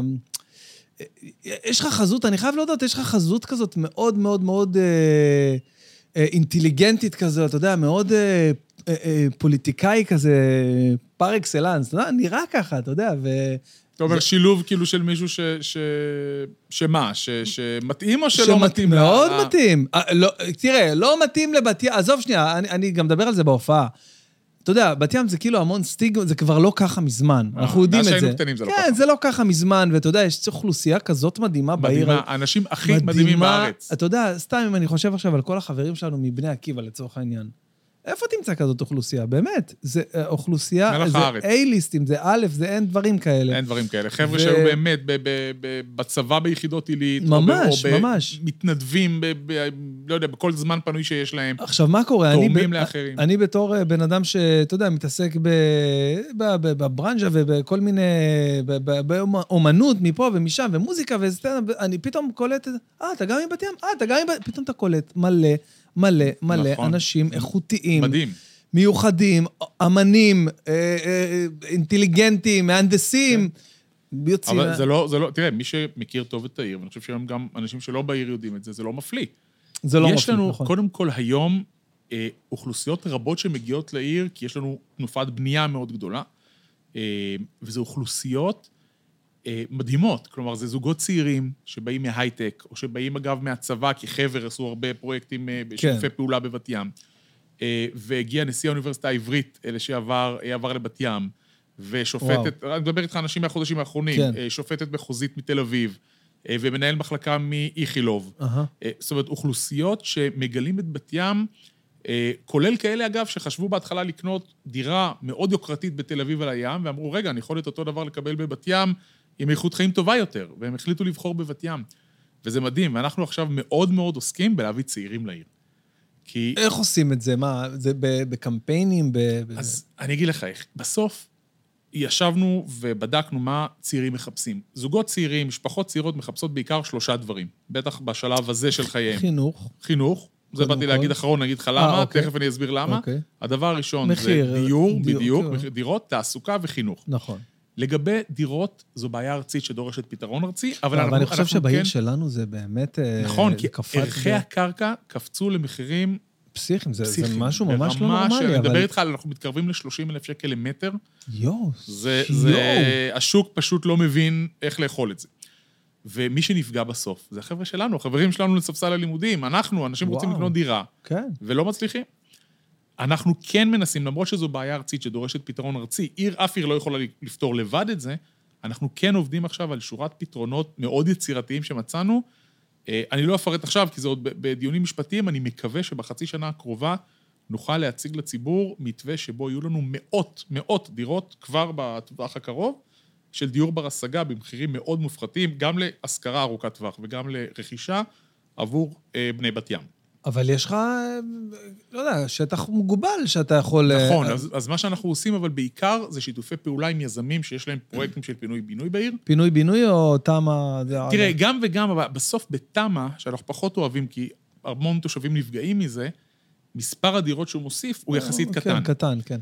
פינוי-בינוי, בפינוי-בינוי, כן. אתה יודע, אם לצורך העניין הוא בונה מגדל של 40 קומות, כן. עם 130, ותשמע, יש מה 160 לפנות. יחידות דיור. יש הרבה מה לפנות, כי. זו עיר אה, ותיקה. נכון, ולכן אני אומר, אין לי בעיה לתת לו עוד 20 דירות, בתנאי שהדירות האלה אבל יהיו במחירים מופחתים לבת ים. אתה יכול... אה, אה, אז עכשיו אנחנו עובדים על מתווה משפטי שיאפשר את זה. אוקיי. יש פה המון, נתתי את זה בצורה מאוד מאוד מופשטת, כמובן שזה לא כזה פשוט.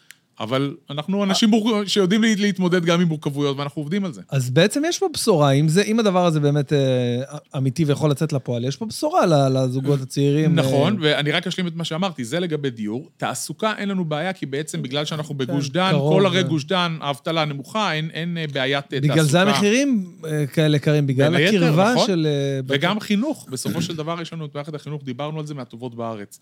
האתגר הגדול זה הנושא הזה של דיור, ואנחנו עושים המון פעולות ממוקדות כדי להביא צעירים. דיברנו על חוג חינם לכל ילד, אנחנו העיר היחידה בארץ שנותנת את זה, זה הטבה של 1,800 שקל כמעט למשפחה, לכל ילד, אה, בגילאים שזכאים. אה, ואנחנו עושים עוד המון המון פעולות בהקשר הזה כדי למשוך צעירים לבת ים, וגם ברמת ההתנהלות, שוב, אני- אני חושב שחלק גדול מהפתרונות שאנחנו מחפשים, למשל בנושא הדיור, הם כאלה שאנחנו לא מחכים בהם לממשלה. כי אם נחכה לממשלה, לא רוצה להגיד זה לא יקרה, אבל זה ייקח הרבה זמן. אני חושב שאני בקורונה למדתי את זה.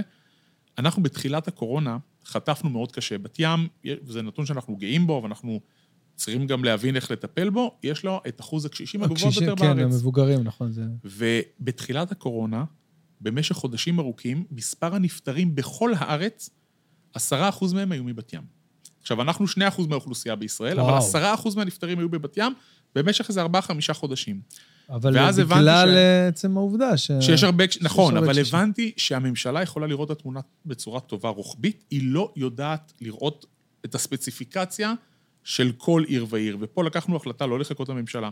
קיבלנו החלטות עצמאיות, למשל סגרנו את בתי הכנסת, ואנחנו הולכים לבתי הכנסת, אני נמצא בבתי הכנסת אה, אה, כל שבת, קרוב לליבי, ויש לנו גם עיר עם ציבור דתי גדול, ציבור מהמם. מסורתי מהמם. מאוד גדול, ועדיין, אמרתי, אה, חיי אדם כמובן קודמים, לא היה הגיוני בעיניי שבתי הספר סגורים, נכון. הקניונים סגורים, יש סגר, כולם בבית, אי אפשר ללכת למסעדה או להופעה, אבל בבית הכנסת, 100 איש צפופים אחד על השני, כן, דרך זה- אגב, עוד לפני שהייתה חובת מסכות, זה היה כן, במרץ, עוד לא נכון, הייתה, באמת. המסכות התחילו רק במאי. זה לא היה הגיוני. לא הגיוני. כן. ודיברתי עם רבני העיר, אמרתי להם, זו ההחלטה, אני מבקש שתצטרפו, כולם הצטרפו, והיה אישור קו, ויומיים אחרינו, פתח תקווה. סגרה, ויומיים נכון. אחרינו, ושלושה ימים אחרי זה תל אביב, ואז הממשלה אמרה, זה מה שנכון לעשות וסגרה. עשינו את זה בהרבה דברים. כן, זה הקורונה- חייב לומר שאתה באמת הובלת דברים, וכאילו אה, ב- ב- בראשוניות ופרצת דרך, בעיקר בקורונה ראינו את זה, כן, ו- ולמדנו פשוט אחריות. לא לחכות לממשלה, כן, בדיוק, לקחת בדיוק. אחריות ולבצע. ולשתף את הציבור. הציבור חייב להבין, נגיד לסגור בתי כנסת, זו החלטה מאוד קשה למישהו שהולך לבית הכנסת. ממש. זה מס- הדבר שהיה הכי קשה לי. אבל. כשאתה מסביר לו, כמו שאמרתי לך עכשיו, לא הגיוני שהילדים שלך בבית, ואתה לא הולך להופעות, ואתה לא הולך לעבודה אולי כי העבודה שלך סגורה, אבל בבית הכנסת כן, בלי מסכות, והציבור קיבל את זה.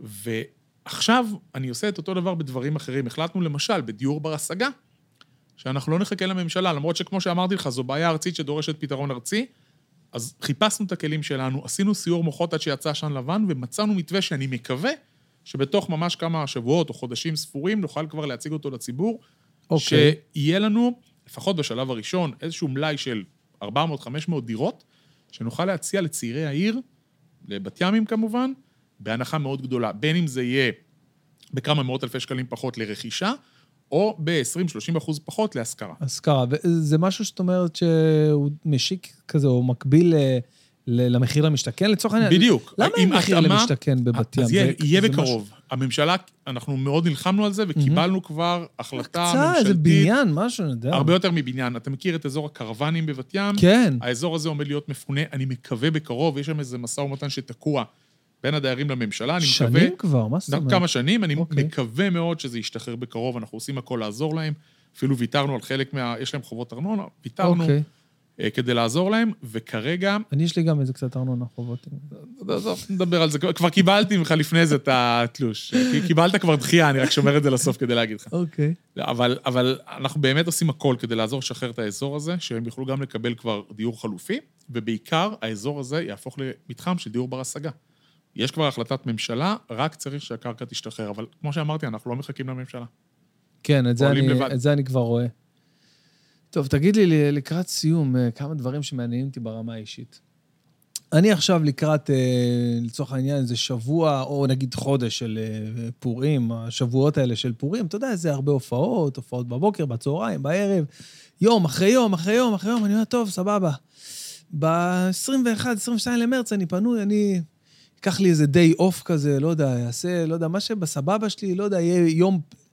יש לך כזה גם כן, יש לך איזה יום שאתה מרשה לעצמך ככה לכבות את הטלפון מוקדם, או ל... איך אתה, איך אתה מתפנן? איך, אני לא יודע לקרוא, להגדיר את המילה, אתה מבין מה אני מתכוון? כן, אבל לא נעים, יש לי תשובה, אבל לא נעים להגיד לך אותה. נו, מה, עכשיו זה... עכשיו הדלקתי אותך. ש- נו, כן, נכון?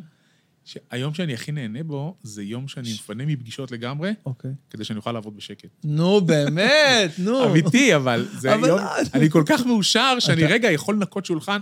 אין כיף כמו, ה- אתה יודע, להיכנס לחדר העבודה או או ללשכה. יש לך ערימה כן. ככה, ערימה, אתה יודע, של תיקיות את. שמחכות. אחרי כמה שעות אתה רואה שניקית השולחן לגמרי, רק כדי להגיע למחרת בבוקר, ואז לראות כמובן עוד ערימה. וואי, בואנה, זה... אבל לנקות שולחן, עם. זה אני מסכים, אבל עזוב, ברצינות, אין, איך אתה, נגיד, אה, לא יודע, לפעמים אני סתם יושב ככה, נרגע, לא יודע, כוס יין, לא יודע, משהו, איך, אין, יש לך את זה לפעמים, ככה, את הרגיעה, כן, חייב את זה. כן, צריך לנקות את הראש כן. כן. מדי פעם. אז אין, תראה, א- א', אני, סליחה שזה נשמע כאילו אני, זה קלישאתי שוב, אבל אני באמת איש של עבודה, אה, ואני נהנה מעבודה. אוקיי. לכן, אני לא מרגיש שחוק בסוף יום עבודה. אוקיי, עייף כמובן, כן. אני לא מרגיש שחוק, שכאילו אני חייב עכשיו אה, חופשה וזה, לא הייתי חופשה שנים. אוקיי. אה, אבל כן, לשבת לפעמים עם איזשהו יין, או לראות איזשהו, לראות משהו שהוא לא בהכרח מעניין אותי, אבל הוא מנקה את הראש, איזשהו חלק כן. מסרט, כן. או איזושהי סדרה ששמעתי עליה, ואני רואה את פרק 47, אז אני לא לגמרי אוקיי. מבין, אז מספיק לראות איזה חצי פרק לפני שאני נרדם. בדרך כלל, אבל זה איפשהו שעה שתיים וצפונה, אני בדרך כלל לא הולך לישון לפני. די, מה אתה אומר? כן, בדרך כלל אבל זה... אתה קם מוקדם גם. אתה- אני- אתה מבין ארבע- שהגוף... ארבע, חמש שעות בלילה. לא, הגוף חייב שש שעות, אני אומר לך, זה- זה חשוב. רגע, זה אתה אומר לילדים שלך בדרך כלל, לא, לא? אני אומר תלכו ברצינות. לישון, שמונה בערב, אתם חייבים 12 שעות שינה, הגוף חייב, לא. זה הולך ומתקצר. כשהם ילדים זה 12 שעות שינה, אתה חייב, אחרי זה שש. אתה יודע, אני- אני כל כך הייתי ככה, והייתי הולך- לישון מאוחר, וכמה... מתי סופי שאני שבוע אני משלים שינה, בשבת אני משתדל ללכת לישון יותר מוקדם כמובן. בגלל זה אתה מאחר לבית כנסת כל פעם? אני לא, אני מגיע אתה בזמן. מאחר כל לא הזמן, נכון, שישי בערב אנחנו מתפעלים בחסידים. שישי בערב, לא ישנים בערב, לא, בשמה, אבל, ישנים אבל, בבוקר. אבל, נו, אז בכלל, אז למה אתה כל הזמן מאחר? להפך, שישי, אני לא מאחר, אתה מוציא לי שם כאילו אני זה. תראה, אני אני מגיע לפני לך, מבחינתי- הנה, בן פה עושה לי פרצופים. לא אתה, אה, כן. שלי. לא, אני מבחינתי, כאילו, אתה יודע, אני כל פעם... אה, אה, אני- מגיע כאילו לשירים של הקרליבך, של איזה, איזה כיף התפילה שם בחסידים. חבל על הזמן. גילינו את זה בשנים האחרונות, אתה דרך יודע. אגב, זה התחיל בשנים האחרונות. אתה יודע שבעבר, זה לא היה, הייתה תפילה כאילו רגילה. פתאום ברגע שזה נהיה קר לי, באו מלא צעירים, ונהיה עמוס ברמה ש... מטורף. הנה, בן מלכה, אתה צריך לבוא ולהיות איתנו פה וואי, איזה. כיף שם בחסידים. אבל אז. לכן אני אומר, אתה בא לקראת לך דודי, למה? כי אתה עובד עד שנייה לפני שבת. לא מאמין. זה באמת, אתה עובד? עד שנייה לפני שבת, ואז ברגע האחרון אתה רץ. מה אתה אומר? ו... אבל אז אתה יכול ללכת לישון יותר מוקדם. ואז אתה יכול לישון 12, לא, היה צריך להגזים 12 שעות, אבל 8 שעות אתה יכול להגיע. אתה בשמונה בבוקר הולך לתפילה, כן. אז אתה יכול לישון איזה 8 שעות אה, בשקט. ככה אני גם, האמת, בשב- במיוחד בשעון חורף. שעון חורף נותן לך... חד משמעית. תגיד, אה, מטריד אותך קצת המצב ברוסיה, כאילו. באוקראינה? מאוד. מאוד בקטע תראה. שלנו, שיש לנו מה לדאוג? גם, כאילו? אה, תראה, או בגלל גם וגם וגם. הנשמות הקרובות שיש לנו שם? גם וגם וגם. קודם כל, אני, אני מאוד פריק של פוליטיקה בינלאומית, ואני אוקיי. מאוד אה, אה, אוהב לעקוב, נגיד, הציבור נחשף לזה עכשיו, אני כבר אה, שנה עוקב אחרי מה שקורה שם, אוקיי. בכלל עם פוטין, אה, ברגע שזה מתחיל להתחמם. תראה, קודם כל, הדבר הראשון והמרכזי זה שהלב באמת נקרע מהמראות שם. חבל על ואנחנו הזמן, עושים הכל באמת. כדי לעזור. קודם כל, יש לנו עיר תאומה באוקראינה, אז אנחנו וואי, אמנם בבת סיפרת לי ים, משהו מצחיק לפני ה... כן, אני מיד אשתף גם את הציבור, אבל אנחנו עשינו מבצע התרמה מאוד גדול בעיר, בכלל לאוקראינה ולוויניציה בפרט. העיר התאומה של... העיר בת ים. התאומה של בת ים שם, עיר ליד כן. קייב. אה, ואני חייב להגיד, הבת ימים פתחו את הלב, אנחנו, אתה יודע, זה אנשים מדהימים, הם פתחו את. הלב, יש לנו ערימות של ציוד, ותמשיכו להביא אגב, ואנחנו נעביר את זה כמובן, יש, אה, הסוכנות ומרכז השלטון המקומי עושים ביחד אה. משלוחים לשם וזה נהדר. אבל פנינו לוויניציה באופן אה, אישי, כי הם העיר התאומה, ואנחנו בקשר איתם, אנחנו מדברים איתם כל הזמן, כולל ממש היום בצהריים. במה אנחנו יכולים לעזור? בדיוק, שאלנו, מה אתם צריכים? אנחנו חדורי רוח קרב באים לעזור. אז הם אמרו, מיד נעביר לכם במייל רשימה. אז נערכנו, ל- אתה יודע, גרביים, מעילים, טיטולים, ואז קיבלנו רשימה. מטול, קלצ'ניק, מטול. אה, רימוני מטול, רסס, רימוני הלם. אמצעי- אמצעי ראיית לילה, 20, קסדות 60, שכפ"צים, שכפ"צים נגד ירי. אמרתי, טוב, בואו, את זה אנחנו נעביר למשרד הביטחון, לטיפול, אנחנו נתמקד במעילים. וואי, וואי. וב...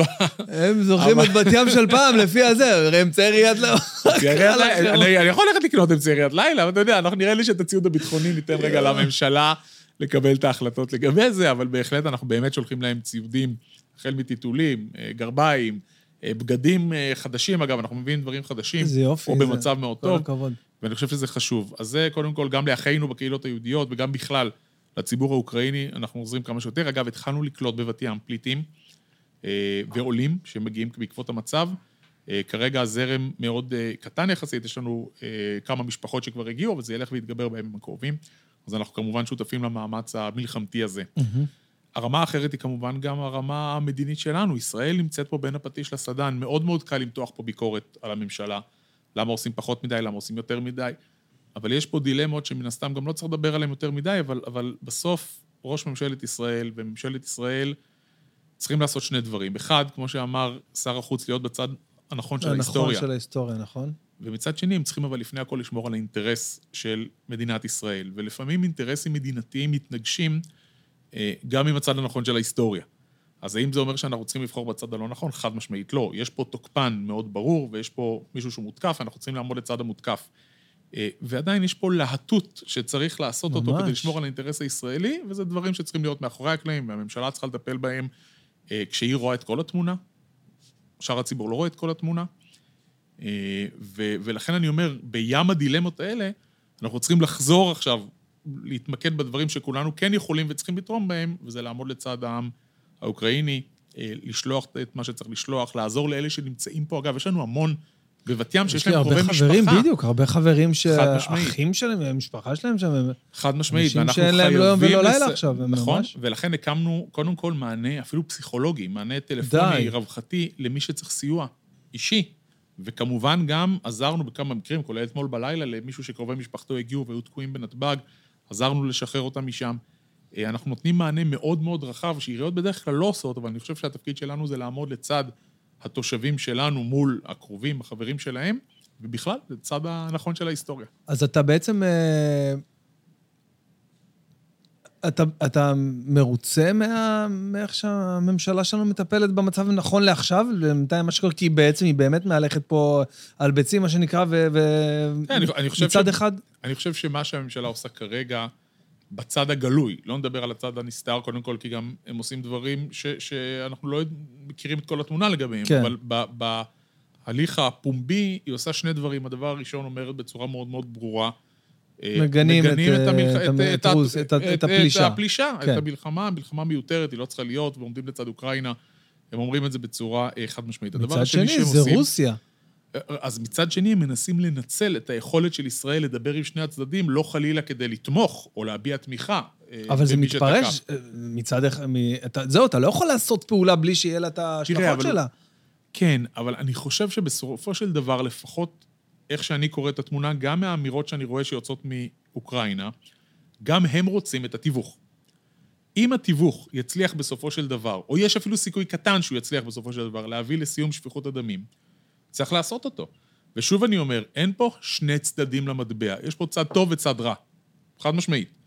ועדיין, אם אתה יכול כרגע להיכנס בתווך כדי להפסיק את זה, אז תפסיק את זה. כאילו, מה החלופה? החלופה היא לשבת בצד, להגיד 20 פעם ביום, אני בעד הצד האוקראיני לצורך העניין. אגב, וברור שישראל לא יכולה להתערב צבאית, נכון? זו שאלה אחרת, האם העולם צריך... חס וחלילה. אה, אה, אירופה וארצות הברית, האיחוד האירופי ונאט"ו, האם הם כן, צריכים... צריכים זה להתערב התפקיד ב- שלהם. ישראל עצמה ודאי לא יכולה להתערב צבאית.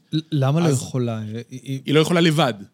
לא- היא לא ברור יכולה להיכנס לבד, אבל לקרב. העולם, מצ... העולם מצפה שאם אתה עכשיו נגיד בנאטו או בזה, אתה, אתה יש כן, אבל- הסכם, ואז נכון, אתה גם לכן חלק... אני אומר, ארצות הברית, האיחוד האירופי ונאט"ו, אלה הכוחות שצריך לשאול אותם גם האם נכון או לא נכון שתיכנסו לקרב מולם, אבל כרגע הם לא נכנסים. אוקיי. ולכן צריך, אז אז זו שאלה שאפשר לדון בה, צריך או לא צריך. אבל אני אומר, בראייה הישראלית, כיוון שלכולם ברור שישראל לא יכולה לשלוח טנקים או מטוסים, היא לא חלק מהקרב הזה, היא לא יכולה להיכנס למלחמה הזו, אז יש שתי אפשרויות. רק להשתמש ברטוריקה של תמיכה, אוקיי? או גם לנסות במקביל לרטוריקה הזו לעשות משהו. ואם יש סיכוי, אני לא יודע אגב אם יש סיכוי, אנחנו לא יודעים האם פוטין משחק עם כולם או לא, האם זלנסקי יסכים באמת לתיווך או לא, אבל אם יש סיכוי, וכנראה שיש סיכוי, קטן, אבל קיים, כן. לנסות לתווך, אז אני לא יכול לראות אה, אה, שום אופציה ש, שישראל תפספס את ההזדמנות הזו, כדי לנסות לעזור בדבר הזה. הערכה שלך בתור חובב פוליטיקה בינלאומית, כמה זמן אנחנו עם המלחמה הזאת? אני חושב שזה תלוי בכמה משתנים. זאת אומרת, אני חושב שפוטין נחוש לא לצאת עם הזנב בין כן. הרגליים. חד משמעית, גרוע האגו מאוד, כי שלו, בסופו כן. של דבר, גם אם הוא יבין שקשה לו להשיג את המטרה, אה, הוא ינסה ללכת רגע עד הסוף עוד כדי להשיג איזשהו משהו. מצד שני... יש מצב שזלנסקי פשוט ירים דגל לבן ויגיד, בסדר, די, בסדר, נכנס... תראה, זה אני, גם לא אני נראה חושב, סביר. נכון. מצד שני, בסוף, אני כן חושב שתידרש פה החלטה אמיצה, אה, אם בכלל תהיה אופציה כזו, לקבל איזשהו פתרון שאף אחד לא מרוצה ממנו, ואז יודעים שהוא כנראה הפתרון הנכון, לפחות זמנית, שיאפשר, למשל, אנחנו כבר שומעים מזלנסקי שהוא אומר, אנחנו לא מקדשים את הבקשה להצטרף לנאט"ו. פעם ראשונה שמענו אה, נכון. נכון, נכון, נכון. אתה שומע זמירות שלא נאמרו בעבר. האם זה יספיק כדי לבנות עוד קומות על זה, שפוטין יקבל לצורך העניין פירוז רק באזורים שהיו אזורי... הרי הוא בכלל דיבר על אזורי מחלוקת, ופתאום הוא הולך על קייב, שלא הייתה בכלל. אז האם הוא יסכים בסופו של דבר לאיזשהו פתרון כזה? בוא נגיד שבעולם הגיוני, זה היה צריך להספיק כדי לבנות איזשהו מומנטום כן. לפתרון אמיתי. אבל אנחנו חיים כאילו מה- בעולם מאוד לא הגיוני, כשאנחנו רואים את מראות המלחמה, אתה יודע, באיזשהו מקום, שוב, אם אנחנו מדברים על פער הדורות, כאילו בא להגיד לפוטין, אחי, תתקדם, אנחנו לא בשנות ה... כן, פשוט 40, מה אתה עכשיו זה? בא לי מזה? יש לך בעיה, תדבר. כאילו, אתה בא עם... אה, ממש ככה. אתה בא עם טנקים. וואי, ממש ומצד שני, אתה הגדרת רוצה את זה. להגיד גם לעולם, חבר'ה, כאילו, אתם לא זוכרים שלא עשיתם כלום אז, ועכשיו אתם עוד פעם יושבים על הגדר, סנקציות יעזרו, לא בטוח. שוב, אגב, וגם פה יש דילמה, אתה יודע, קל מאוד להגיד, למה לא באים עם טנקים על אה, פוטין, או מהאוויר מפציצים לו? כי המשמעות היא מה, מלחמת עולם מלחמת עולם שלישית. שלישית, מה, מי- מי צריך, מי וגם רוצה פה יש להיכנס לדבר הזה אינטרסים עכשיו? שגם ביידן וגם האיחוד האירופי אה, אומרים, בואו, אנחנו צריכים להגן על אוקראינה, וצריך להגיד, אנחנו בעידן שבו לא יכולים לקבל אה, מתקפה כזו, שלוחת רסן, לא מוצדקת וכולי, ומצד שני, אנחנו לא רוצים מלחמת עולם שלישית. זהו, אז וואי. איפה האיזון? השאלה הזו היא שאלה שנשארת באוויר, ואין עליה תשובה אחת. התשובה משתנה כל הזמן. צריך ללכת פה באמת במין מבוך כזה, שזה התפקיד כרגע של ההנהגה.